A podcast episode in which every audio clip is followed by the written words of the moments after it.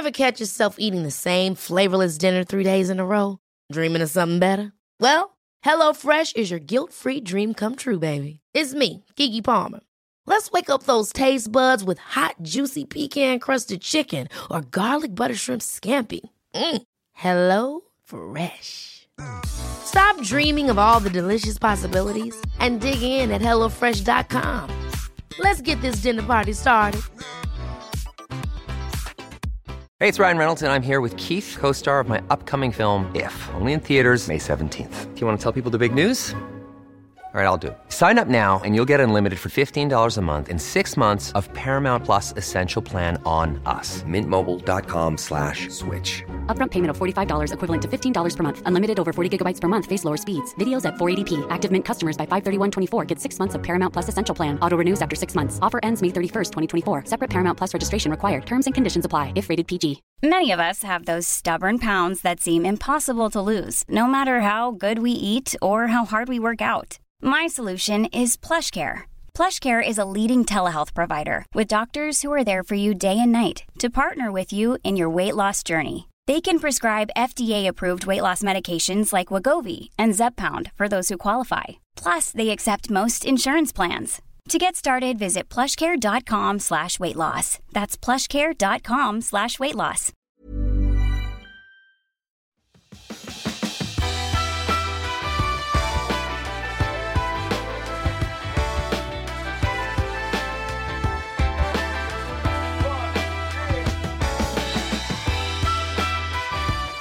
Hej och välkommen till Klimakteriepodden med mig, Åsa Melin.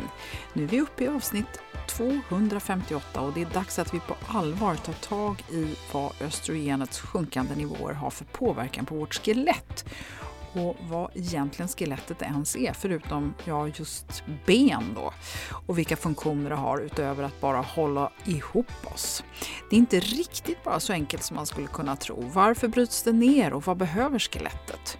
Med mera kunskap om allt det här så kommer vi bättre förstå vikten av att sköta om just skelettet och göra rätt saker, för det är en levande del av oss. Jag är så glad att Kristina Sundekvist har sökt runt bland Sveriges forskare och läkare och hittat den här pärlan till kunskapsbank, nämligen biträdande professor Anna Spångeus som är överläkare inom endokrinologi, alltså hormonlära och hon forskar om benhälsa och förebyggande av benskörhet. Och hennes forskning handlar om allt från riskfaktorer till diagnostik och behandling och eh, hon hjälper till och utbilda även patienter. Och hälften av oss kvinnor över 50 kommer råka ut för en fraktur någon gång i livet. Och det är inte riktigt så okomplicerat som att ett gips i sex veckor eh, löser problemen. Så istället för att bli ömtålig och skör, låt oss ta reda på vad vi kan göra för att stävja detta. Välkommen att lyssna!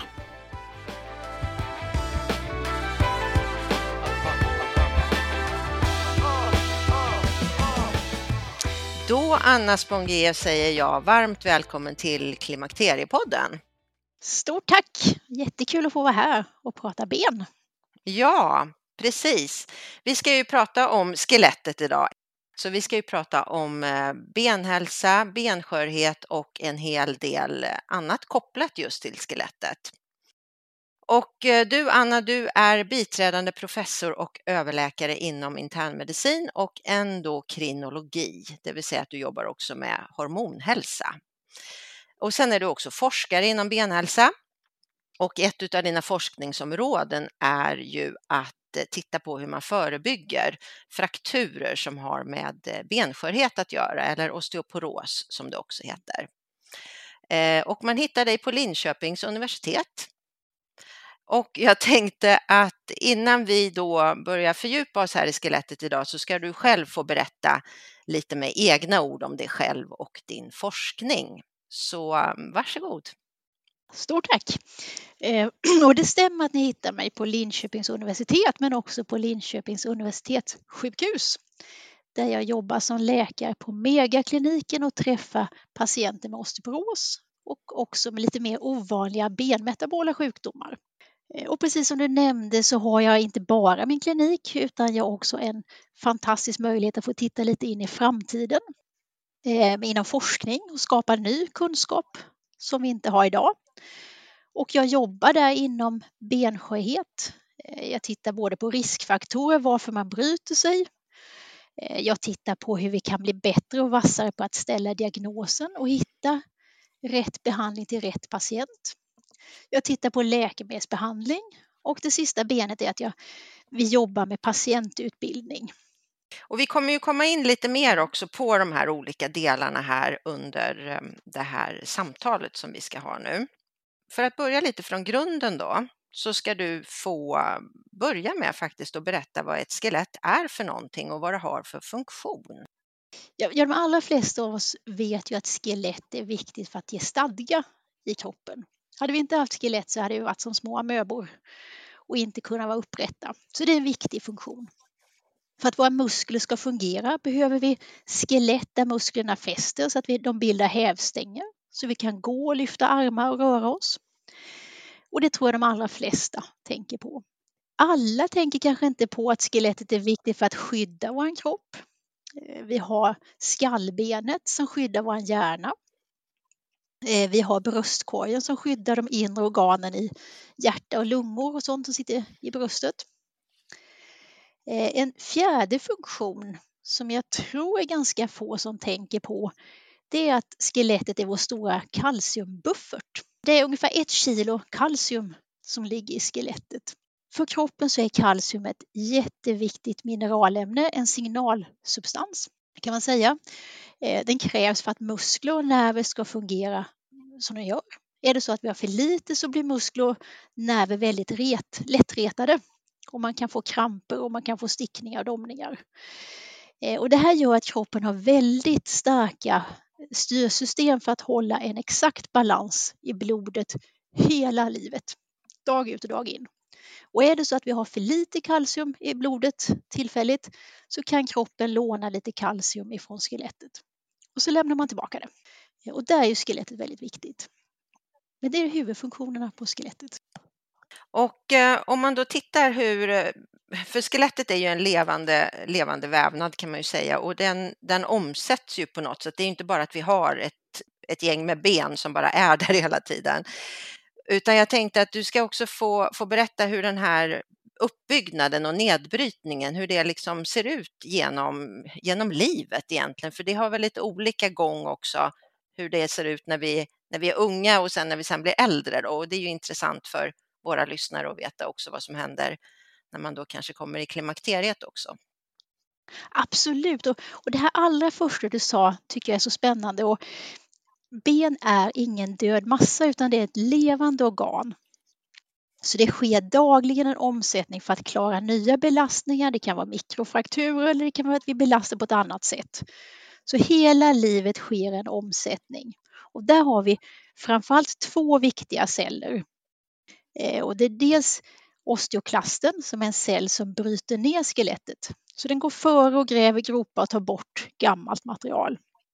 Och efter osteoklasten kommer den benuppbyggande osteoblasten som lägger dit nytt och fräscht material. Och de här två cellerna är väldigt eh, tajt kopplade så de skickar signaler till varandra så att de hela tiden är synkade. Det som är lite intressant är att den här osteoklasten är lite snabbare i sitt arbete. Nedbrytningen alltså? Nedbrytningen precis av skelettet, den går snabbare. Men eh, i vanliga fall så brukar det vara, inte vara något större problem utan när den är klar så lägger den sig och vilar lite så att osteoblasten får jobba i lugn och ro tills den är klar. Eh, men det finns vissa, om man, man tänker sig att någonting påverkar så att den här omsättningen går snabbare under perioder av livet. Det kan vara vissa sjukdomar, det kan vara klimakteriet eh, och då, då är det risk att det blir en obalans, att osteoklasterna blir för starka en vanlig sjukdom eller läkemedel kan man säga att om man har en överproduktion av sköldkörtelhormon, en hypertyreos, det är ett ämnesomsättningshormon. Har man för mycket där så sker det en snabb omsättning. Eh, och det kanske inte är jättevanligt, men det som är vanligare är att många står på sköldkörtelhormon, Levaxin, för att man har lite underfungerande sköldkörtel. Eh, och många kvinnor och män tycker att det är ganska behagligt att ha lite, lite för mycket av det här hormonet. Lite mer än vad, vad vi egentligen vill ha. Eh, för Levaxin gör att man blir lite piggare och man, man håller vikten och man, man är lite varmare. Men tyvärr gör det också att om skelettomsättningen blir hög och vi riskerar att vi tappar skelett över livet. Så därför brukar jag vara en sträng doktor och sätta ner dosen. Så vi, vi tänker på skelettet också. Ja, det där är ju spännande. Ja, det är det. Men du, eh, när, när kan man säga att man når sin topp då? När är skelettet liksom eh, som bäst i livet? Och när börjar det gå ut för? Jag sa innan att det är en tajt balans mellan de här benuppbyggande och benbrytande cellerna. Och den här balansen finns ju inte över livscykeln. Utan det vi vet är att när vi under barn och ungdomen så ökar bentätheten år efter år fram tills vi når en topp i 25-30 års åldern. Då har vi den tätaste, bentäth eller tätaste benet i livet. Eh, sen ligger bentätheten stabilt under några år eller lite lätt sänkande tills vi kvinnor kommer i klimakteriet. För då tappar vi östrogen och det gör att vi får fler osteoklast, aktiva osteoklaster, alltså benbrytande celler, som gör att vi tappar snabbare skelett, så ungefär 2% per år. Och det gäller de första åren efter klimakteriet. Sen går vi in i lite mer långsammare fas igen. Men en nettoförlust ungefär på 1% varje år livet ut. Så ju äldre vi är, ju fler är det ju som blir bensköra naturligt. Och detta gäller även män då, men det blir, det blir värre för oss kvinnor, kan man säga så? Ja, det kan man göra. Män har det lite bättre också, att de, den här toppen vid 25-30 års åldern är lite högre hos män. Så de startar bättre och de har inte det här snabba tappet som vi har i klimakteriet. Eh, men de har nettoförlust när de blir äldre. Så de blir också bensköra. Och då skulle man ju kunna tänka här då att om man då är en kvinna som nu är säg 40, nu är ju de flesta av våra lyssnare kanske lite äldre, men om man vill förmedla det här till yngre medsystrar eller barn eller någonting så, så är det väl då bättre att man har, eller man kan tänka på att man bygger upp sitt skelett under sin ungdom så har du liksom ett bättre utgångsläge. Det tror jag är jätteviktigt att förmedla till våra vänner och familj. Och det, det vi kan göra som barn och ungdomar är att vi ser till att vi äter rätt, att vi får i oss näringsämnena och att vi inte är för smala. Har man anorexi så både vikten gör att vi får sämre bentäthet och vi tappar menstruationen. Och det gör också att vi riskerar att inte bygga upp den här toppen av, av skelettet. Eh, så det är viktigt. Ehm, men vad bra, för då har vi redan kommit in lite på det här. Du nämnde eh, kalcium här tidigare, men jag tänkte vi skulle dyka ner lite mer i det här med mineralerna och vitaminer, eller mineralerna framför allt, och även vitaminer. Vad är det vi ska tänka på där för att få ett starkt skelett? Och de två viktiga nyckelspelarna för skelettet är ju kalcium och det är D-vitamin. Eh, och jag sa innan att kalcium är viktigt, alltså dels för skelettet ger den stadga i skelettet. Eh, men kalcium är också ett ämne som vi behöver till mycket andra processer i kroppen. Eh, och man prioriterar att ha en jämn nivå i blodet hela livet. Så får vi en brist i kalcium så lånar vi från skelettet och blir bensköra. Och där kan man säga att vi har en fantastisk kropp. Eh, är det så att vi behöver, alltså tarmen kan styra hur mycket av det vi äter som vi tar upp. Är det så att vi har lite brist på kalcium så tar vi upp en större andel av det kalciumet vi äter. Är det så att vi, vi har en bra nivå i blodet så behöver vi inte ta upp så mycket från maten. Den största källan till kalcium det är mejeriprodukter. Eh, och är det så att man inte äter mejeriprodukter eller äter väldigt lite så kan man få i sig kalcium i mycket andra äh, näringsämnen. Vi kan få det via grönsaker, bröd, nötter och så vidare. Och kopplingen till D-vitaminet och kalcium då, hur, hur ser det ut? Just det, och de är väldigt tajt kopplade. Och där kan man säga att D-vitamin är en av huvudaktörerna till att reglera kalciumet i blodet.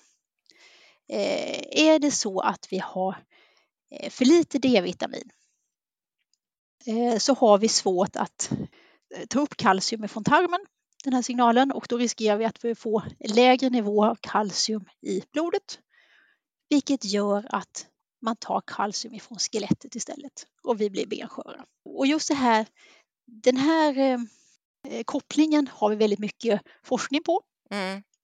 Eh, och eh, också den enklaste när vi kan säga att vi har en bra D-vitaminbalans eller inte. För är det så att vi har en låg D-vitaminnivå så kommer kroppen, eh, så låg D-vitaminnivå att kalcium påverkas. Då kommer kroppen signalera med ett annat hormon som heter bisköldkörtelhormon. Det kommer öka och det tar i sin tur kalcium från skelettet. Och jag som är endokrinolog, alltså hormondoktor, om jag ser den här balansen, att vi har ett lite lågt D-vitamin och samtidigt ett högt bisköldkörtelhormon, kan med säkerhet säga att kroppen signalerar att det är för låg D-vitaminnivå. Vi måste ge tillskott. Okej. Okay. Mm. Och bisköldkörtelhormon, vad är det för hormon? Man brukar prata om sköldkörtelhormon, är det någon skillnad? Eh, sköldkörtelhormon det är ju en stor körtel som sitter på halsen och som sköter omsättningen, eh, ämnesomsättningen i kroppen. På den här sköldkörteln sitter det fyra småkörtlar som vi kallar för bisköldkörtlar och deras uppgift är att sköta kalciumbalansen i kroppen. Och det gör den tillsammans med D-vitamin. Okay. Och är det för lågt kalcium i blodet då ökar bisköldkörtelhormonet vilket gör att man tar, som i sin tur tar kalcium från skelettet och gör oss bensköra. Men magnesium då, har inte det någonting med skelettet att göra också? Jo, men det har det indirekt. Det, det, det är en, en, viktig aktör i, i samma balans egentligen. Är det så att man har en magnesiumbrist så kommer bisköldkörtelhormonet fungera lite sämre, ge ett sämre svar och vi riskerar att få en eh, sänkta kalciumnivåer. Och magnesium i sig kan ju också ge de här krampkänslorna i muskler, små muskelkramp och sånt där. Och för att upprätthålla balansen är det viktigt att vi har en bra magnesiumnivå. Så, så de är väldigt tajt kopplade. Så då kan man säga att just för skelettets del då så, så är det D-vitamin, magnesium och kalcium då som är de stora spelarna? Ja, och allra viktigast kalcium och D-vitamin. Då tänkte jag att om vi då tittar lite vidare då på det här med benskörheten då, varför blir vi det? Jag, jag, förstår ju att det har med delvis det här med att göra med nedbrytningen och sen kommer kvinnan i klimakteriet och då spelar östrogenet in. Men finns det några andra riskfaktorer som vi behöver vara medvetna om för att kanske då kunna undvika att bli bensköra när vi blir äldre? Mm. Och en av de viktigaste sakerna brukar jag säga att man ska välja rätt föräldrar. Ja, ja. Och det kan vi ju inte påverka. Nej. Gen, generna är en stark riskfaktor så vi kan naturligtvis inte välja gener men vi kan förhålla oss till gener. Så är det så att, att mina föräldrar har, eller syskon har benskörhet då ska jag kanske vara extra vaksam. Okay. Eh, men det är inget vi kan påverka. Det vi kan påverka själva det är att vi äter rätt. Vi pratar om eh, kalcium och D-vitamin. Eh, vi ska också se till att vi inte är för smala. För undervikt gör ju då belastar vi skelettet mindre och det vet vi är kopplat till en högre risk för benskörhet. Eh, vi ska se till att träna hela livet, belastande träning. Och kan du ge några exempel på vad är det för typ av träning man ska tänka specifikt på då? Det man brukar rekommendera eh, det är lite olika delar av eller var man befinner sig i livet men, men det viktiga beståndsdelar är ju träning som belastar skelettet. Hopp och Eh, stötar på skelettet är en del. Är man väldigt benskör så ska man ju vara försiktig med det men, men de allra flesta mår bra av hoppar och belastning.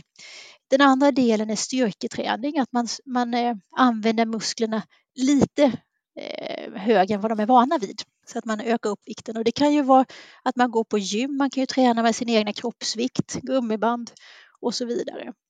Och ju äldre vi blir, om vi tittar på våra föräldrar och den generationen, så är det jätteviktigt att hålla igång och träna balansen. Så man inte ramlar? Ja, precis. Och den gången vi tappar balansen lite så är det viktigt att har man tränat det så kan man ganska snabbt parera och undvika fallet. Så det är jätteviktigt. Och det vi naturligtvis inte ska göra, vilket gäller väldigt många sjukdomar, det är att vi inte ska röka.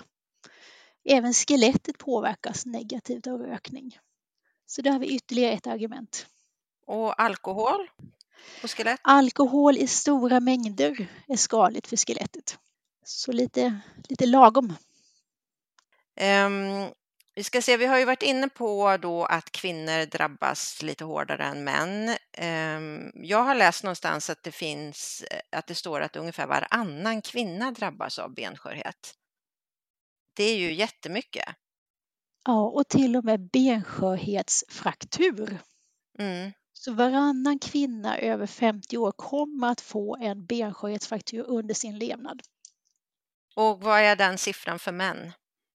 För män är det lite bättre, men det, det var fjärde man. Så det är fortfarande en väldigt hög siffra. Eh, och det här tänkte jag när jag säger benskörhetsfraktur, vet alla vad benskörhetsfraktur är? En benskörhetsfraktur är en fraktur som uppstår efter ett våld där vi egentligen förväntar oss att skelettet ska hålla. Som jag går här i rummet och halkar så är det ingen som förväntar er att min höft ska gå av. Gör den det så vill jag att ni ska fundera på om jag är benskör. Eller om jag hostar och min kota plötsligt faller ihop och frakturerar. Då bör vi tänka på är, är skelettet skörare än vad vi förväntar oss att det ska vara. Och det är lite därför, ibland brukar jag, jag gillar inte riktigt ordet osteoporos, jag brukar kalla det för skelettsvikt. För jag tycker det säger ganska mycket om vad benskörhet är egentligen. Vi förväntar oss att ett skelett ska hålla för ett visst trauma. Om jag, om jag faller i samma plan så ska skelettet hålla. Gör det inte det så har vi tappat den funktionen vi förväntar oss av organet. Och lite samma säger vi när hjärtat inte orkar pumpa som det brukar göra så kallar vi det för hjärtsvikt. Eller när njurarna inte orkar rena som vi förväntar oss, då kallar vi det för njursvikt. Så på samma sätt tänker jag att skelettsvikt är när skelettet inte fyller sin förväntade funktion, det vill säga benskörhet.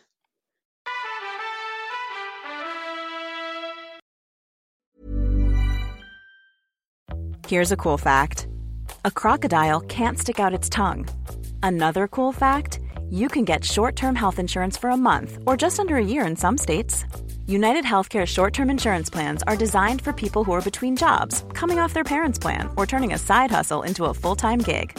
Underwritten by Golden Rule Insurance Company, they offer flexible, budget friendly coverage with access to a nationwide network of doctors and hospitals. Get more cool facts about United Healthcare short term plans at uh1.com. Hey, it's Ryan Reynolds, and I'm here with Keith, co star of my upcoming film, If, only in theaters, May 17th. Do you want to tell people the big news? All right, I'll do it. Sign up now and you'll get unlimited for $15 a month in six months of Paramount Plus Essential Plan on us. Mintmobile.com slash switch. Upfront payment of $45 equivalent to $15 per month. Unlimited over 40 gigabytes per month. Face lower speeds. Videos at 480p. Active Mint customers by 531.24 get six months of Paramount Plus Essential Plan. Auto renews after six months. Offer ends May 31st, 2024. Separate Paramount Plus registration required. Terms and conditions apply if rated PG. One size fits all seems like a good idea for clothes until you try them on. Same goes for healthcare. That's why United Healthcare offers flexible, budget friendly coverage for medical, vision, dental, and more. Learn more at uh1.com. Det är härligt att klimakteriets tabu äntligen är på väg bort. Vill man försöka klara sig utan hormonbehandling så finns nu många nya kosttillskott som lovar bland annat hormonell balans och som ska stötta brister. Jag vill lyfta min räddare i nöden, Femarel. Det har inte bara varit min utan många andra kvinnors räddning i över 20 år. Och med lång tid på marknaden, med nöjda användare, dessutom med 20 forskningsstudier så vågar jag säga att det kan vara en god idé att prova Femarel. Femarel finns på apoteken och i hälsokostbutiker. Tack Femarel som varit min samarbetspartner i många år.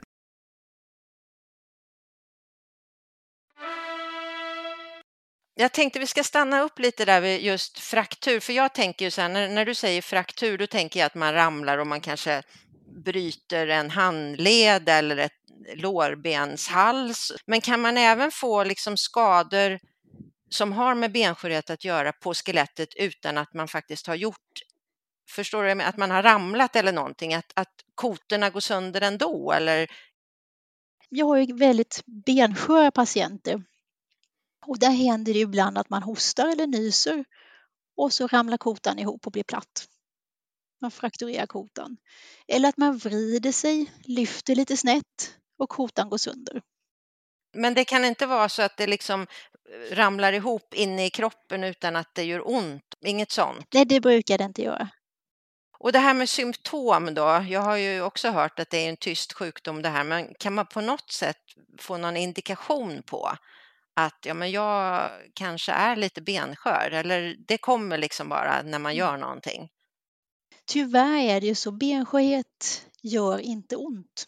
Utan det som gör ont är dess komplikationer, att vi får en fraktur, eh, antingen något av rörbenen eller en kota som ramlar ihop. Så, så det är det första symptomet vi har. Mm.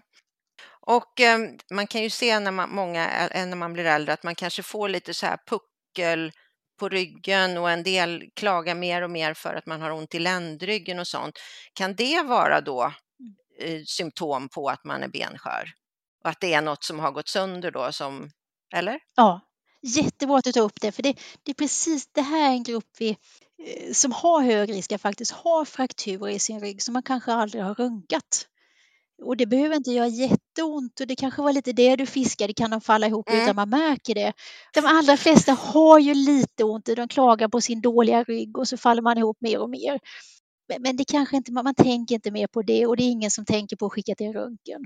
Men är det så att man faller ihop och blir puckelryggad och tappar i längd, då är det en varningssignal. Och framförallt i kombination med, med värk i ryggen, då vill vi att man ska runka. Så man brukar säga om man sjunker ihop mer än 4 centimeter ungefär, då bör man fundera på om det kan vara en kotfraktur. Eller naturligtvis om man plötsligt får jätteont i ryggen så ska man ju runka även om man inte har tappat i längd. Men det är jätteviktigt. Sen kan det också, mellan kotorna ligger det diskar, som lite stötdämpande diskar. De kan sjunka ihop lite med åldern och det är ju inte frakturer. Så Nej, det okay. behöver inte alltid vara osteoporos.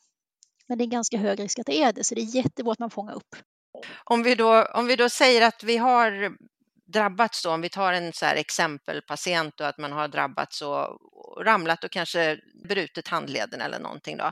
Hur ser den här behandlingen ut och hur ska man liksom ta hand om sig om man då har fått en sån här fraktur? Och vad händer liksom med vården och så vidare? För det första som jag verkligen vill att alla som lyssnar på det här kommer ihåg, om man haft en lågenergifraktur oavsett ålder, eller oavsett, om man är 50 år eller äldre ska jag säga, men även äldre äldre, eh, så ska man ta ställning till utredning för osteoporos. De allra flesta ska utredas och behandlas. Och det är jätteviktigt. Och vad är, vad sa du, lågenergifraktur? Det är just de här benskörhetsfrakturerna när vi faller i samma plan och vi bryter oss. När vi tänker att skelettet egentligen borde hålla okay. men det går sönder. Så du har halkat på en isfläck på vägen till jobbet och bryter din handled. Då ska du efter förloppet göra en utredning. Och den utredningen går ut så att man eh, dels gör man en bentäthetsmätning och det är egentligen en vanlig röntgen eller lite ovanlig röntgen med väldigt låg stråldos. Och den här, på den här mätningen kan man mäta eller uppskatta tätheten i skelettet i höfter och i ryggen. Det tillsammans med övriga riskfaktorer gör att vi sen kan bestämma hur hög fraktur, framtida frakturrisk du har. Och är det så att du har lite sänkt bentäthet och har riskfaktorer för framtida fraktur, då vill vi att du ska erbjudas läkemedelsbehandling. Och där har vi flera olika läkemedel som har väldigt bra effekt för att förebygga nya frakturer. Så det är viktigt att vi kommer in med de här behandlingarna. Och just de här läkemedlen vi har, vi pratade innan om de här två cellerna. Det kommer ni ihåg? Det var osteoblaster som bygger upp och osteoklaster som bryter ner. Och läkemedlen slår naturligtvis på de här cellerna. Så den vanligaste vi har att tillgå det är att vi, vi hämmar, vi bromsar in de här nedbrytande osteoklasterna. För tar vi bort dem så kan ju osteoblasterna bygga skelett i lugn och ro. Och det andra steget som vi kan välja det är att vi istället sätter en liten piska på de här osteoblasterna att jobba lite snabbare. Så det, det är den typen av läkemedel vi har. Alla är väldigt effektiva. Så det är viktigt att vi kommer in med dem i tid. Måste man ta då och medicineras livet ut eller hur tänker du där? Om man då har fått en, en sån här fraktur. Just det. Och här är det inte helt enkel eh, svar. Det beror lite på vilket typ av läkemedel du fått. Det här vanligaste vi sätter in det är en tablett en gång i veckan eller ett dropp som vi ger en gång per år. Och de brukar vi behandla i tre till fem år och så gör vi ett kort uppehåll och sen kan vi behandla igen. Sen finns det en spruta som vi ger en gång i halvåret och den är precis tvärtom. Den ska ses som livslång. Så det här beror lite på vilket läkemedel du får och det finns, det finns en teoretisk förklaring till det här varför vi gör så. Okej, men kan man, man kan inte behandla sig själv då genom att eh, se över sin livsstil och bara börja träna väldigt, väldigt eh, mycket mer eller någonting, utan du tänker ändå att man behöver medicineras på något sätt efter en sån här händelse. Har jag fattat det rätt? Ja, jag skulle inte chansa på att inte göra det. Nej. Eh, så jag skulle tänka båda stegen. Tyvärr är det ju så att eller tyvärr, jag ska säga läkemedel är väldigt effektiva. Eh, så de är effektivare än det vi själva oftast kan göra. Sen ska vi inte glömma att det vi själva kan göra kan ju också bidra. Så jag skulle inte ta det ena eller det andra utan jag skulle använda båda om man har en stark indikation. Och där kommer vi in då på det här som vi brukar prata om så mycket att det är aldrig för sent att ta tag i träningen utan är du då en patient eller en, en kvinna då, eller även man då såklart som har drabbats av det här så är det absolut inte för sent att då börja ta tag i sin styrketräning eller kanske Absolut, hela livet. Det har du igen både för skelett men även musklerna. För vi ser att även musklerna tappar vi ju mer och mer så det är jätteviktigt att hålla igång hela livet. Men du, eh, ser det ut så här i vården idag då? Om du kommer in med en fraktur, att du får, blir erbjuden det här med ordentlig uppföljning och, och sånt, eller måste man själv vara lite på hugget där? Tyvärr är det så. Vi är jättedåliga i Sverige på det här. Eh, det vi vet, den här nya europeiska rapporten som kom, så kommer två av tre patienter som ska ha behandling att inte få det. Så det är bara en av tre som får den. Eh, och det kan jag ju tycka är lite hemskt om, om vi skulle istället göra likadant på efter en hjärtinfarkt. Att bara en tredjedel fick en förebyggande behandling mot en ny hjärtinfarkt så skulle vi aldrig acceptera det. Men här är det de här siffrorna.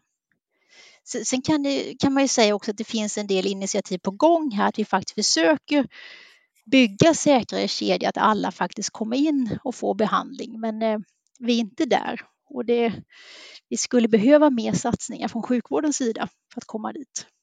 Och det, tänker, för det, det är mina två viktigaste budskap när jag är ute. Det ena är att ben är ett levande material, vi kan påverka det hela livet.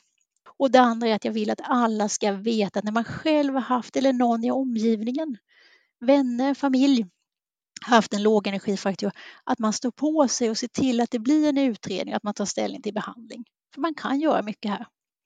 Mm. Det är ju jätteviktigt ju, verkligen. Om man har fått en fraktur så har jag eh, hört att man ofta inom ganska kort tid kan drabbas av ytterligare en fraktur. Mm. Eh, hur kommer det sig att det, att det är så liksom? Och det vet vi nog inte exakt varför men eh, jag var ju bland annat med och tog, med, tog fram en av de här studierna där man ser att den högsta frakturrisken för en ny fraktur är två år innan för, efter föregående. Eh, och exakt vad det är, om det är någon process i skelettet eller om det är att vi har sämre balans efter, det vet vi nog inte riktigt. Men vi vet att det är ett fakta så det gör ju också att vi behöver komma in ganska snabbt med utredning och behandling. För här har vi ett fönster där vi faktiskt kan förebygga nästa fraktur. När vi pratade inför det här avsnittet så, så diskuterade vi ju det här lite grann och då pratade vi också om det här att det faktiskt kan leda till att, att man dör av en fraktur. Och då dör man ju inte av själva frakturen utan då är det ju olika typer av följder av att man har fått en fraktur och det är ju, det är ju jättetragiskt. Mm. Och att det faktiskt är ganska vanligt och jag tror vi alla känner någon i vår äldre bekantskapskrets som faktiskt har fått en fraktur och kom aldrig igång efter frakturen. Och handlar det då om att man blir stillasittande eller det, man kan säga är en typ av patienter som jag ofta ser är att man kommer in med en fraktur eh, och eh, själva frakturen i sig är ju en stressor på, stressor på kroppen. Så det är mycket stresshormon som drar igång. Eh, och det viktiga när man, när man har frakturen är att man kommer igång och mobiliserar snabbt. Det här är oftast äldre patienter. De kanske har fått en bäckenfraktur eller revbensfraktur. Det gör ont, men man måste komma upp för kroppen mår inte bra i liggande. Och gör man inte det så är det lätt att man drar på sig någonting annat. Eh, ofta ser vi att man får en infektion på det här, man får en lunginflammation kanske. Och då, då har vi två stressorer på kroppen. Då har vi både smärtan från, från frakturen eh, och vi har lunginflammationen. Och är man i den här åldern så kanske så är inte kroppen Eh, helt frisk än innan. Man kanske har ett hjärta som fungerar alldeles utmärkt under normala omständigheter men när man stressar på det så har man en hjärtsvikt och det ställer extra höga krav på hjärtat. Då orkar de inte med utan då börjar man svikta hjärtat och ett sviktande hjärta ger symptom i form av att man samlar på sig vätska. Och det lägger sig vätska i benen och det lägger sig i lungorna. Och det vi som doktorer gör då är att vi, vi kan ge vätskedrivande läkemedel.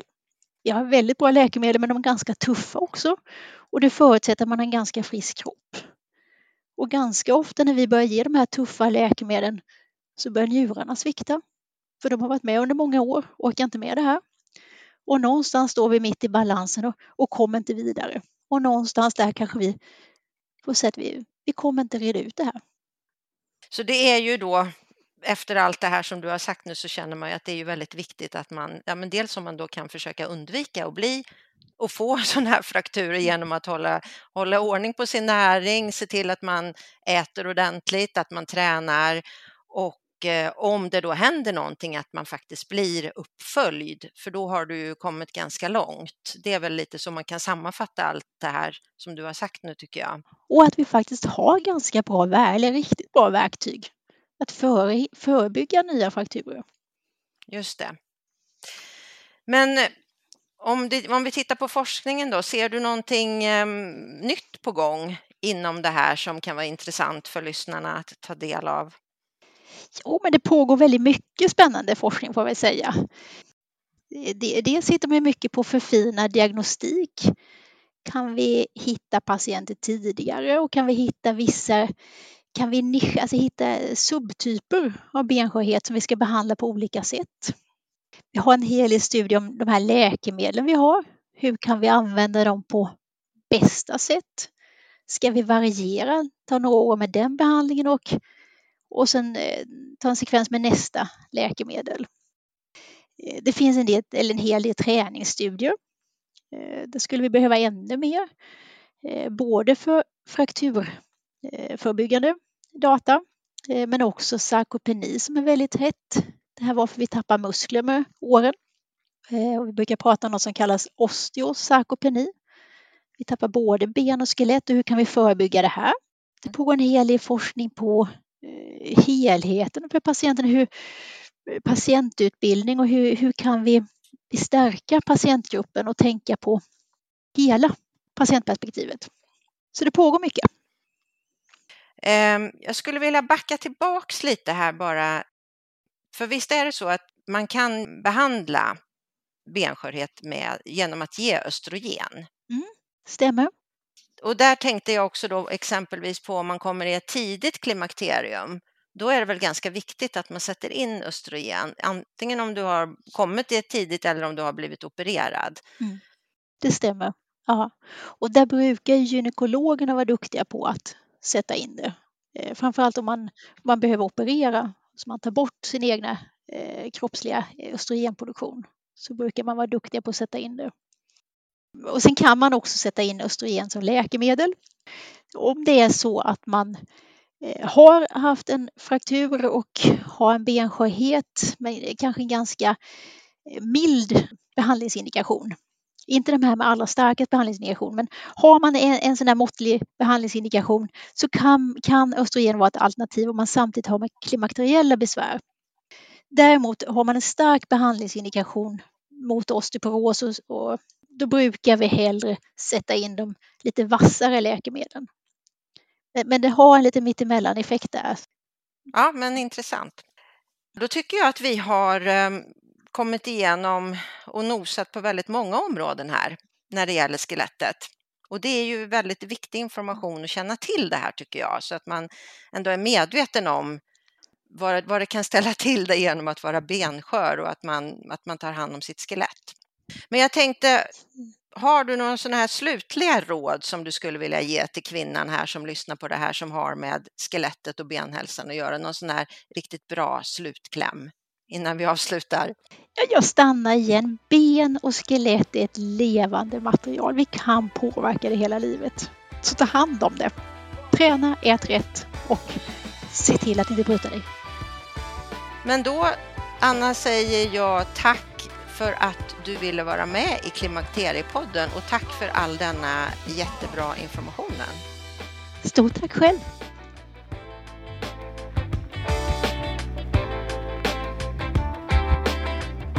Ja, skelettet är som ni hör viktigt att ta hand om hela livet. Hoppas att nya tankar och infallsvinklar och kunskapen kanske har gett lite extra motivation till att ta tag i någonting som vi kan påverka själva genom vår livsstil. Och nu när ni vet mer om hur det fungerar och vilka konsekvenser okunskap kan leda till så kanske det känns lite extra motiverande.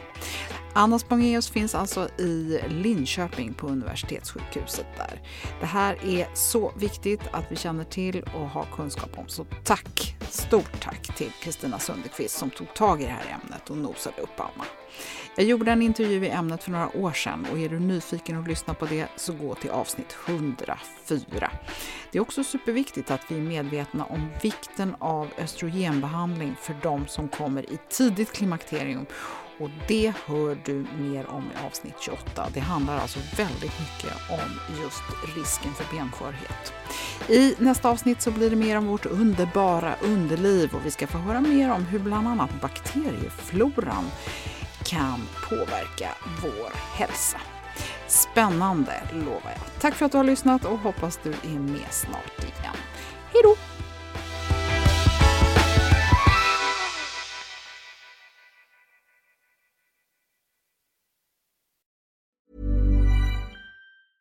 Ever catch yourself eating the same flavorless dinner three days in a row? Dreaming of something better? Well, HelloFresh is your guilt-free dream come true, baby. It's me, Kiki Palmer. Let's wake up those taste buds with hot, juicy pecan-crusted chicken or garlic butter shrimp scampi. Mm. Hello Fresh. Stop dreaming of all the delicious possibilities and dig in at HelloFresh.com. Let's get this dinner party started. Planning for your next trip? Elevate your travel style with Quince. Quince has all the jet setting essentials you'll want for your next getaway, like European linen, premium luggage options, buttery soft Italian leather bags, and so much more. And is all priced at 50 to 80% less than similar brands. Plus, Quince only works with factories that use safe and ethical manufacturing practices. Pack your bags with high-quality essentials you'll be wearing for vacations to come with Quince. Go to quince.com/pack for free shipping and 365-day returns. Imagine the softest sheets you've ever felt. Now imagine them getting even softer over time. That's what you'll feel with Bowl and Branch's organic cotton sheets. In a recent customer survey, 96% replied that Bowl and Branch sheets get softer with every wash. Start getting your best night's sleep in these sheets that get softer and softer for years to come. Try their sheets with a 30-night guarantee. Plus, get 15% off your first order at bowlandbranch.com. Code BUTTERY. Exclusions apply. See site for details.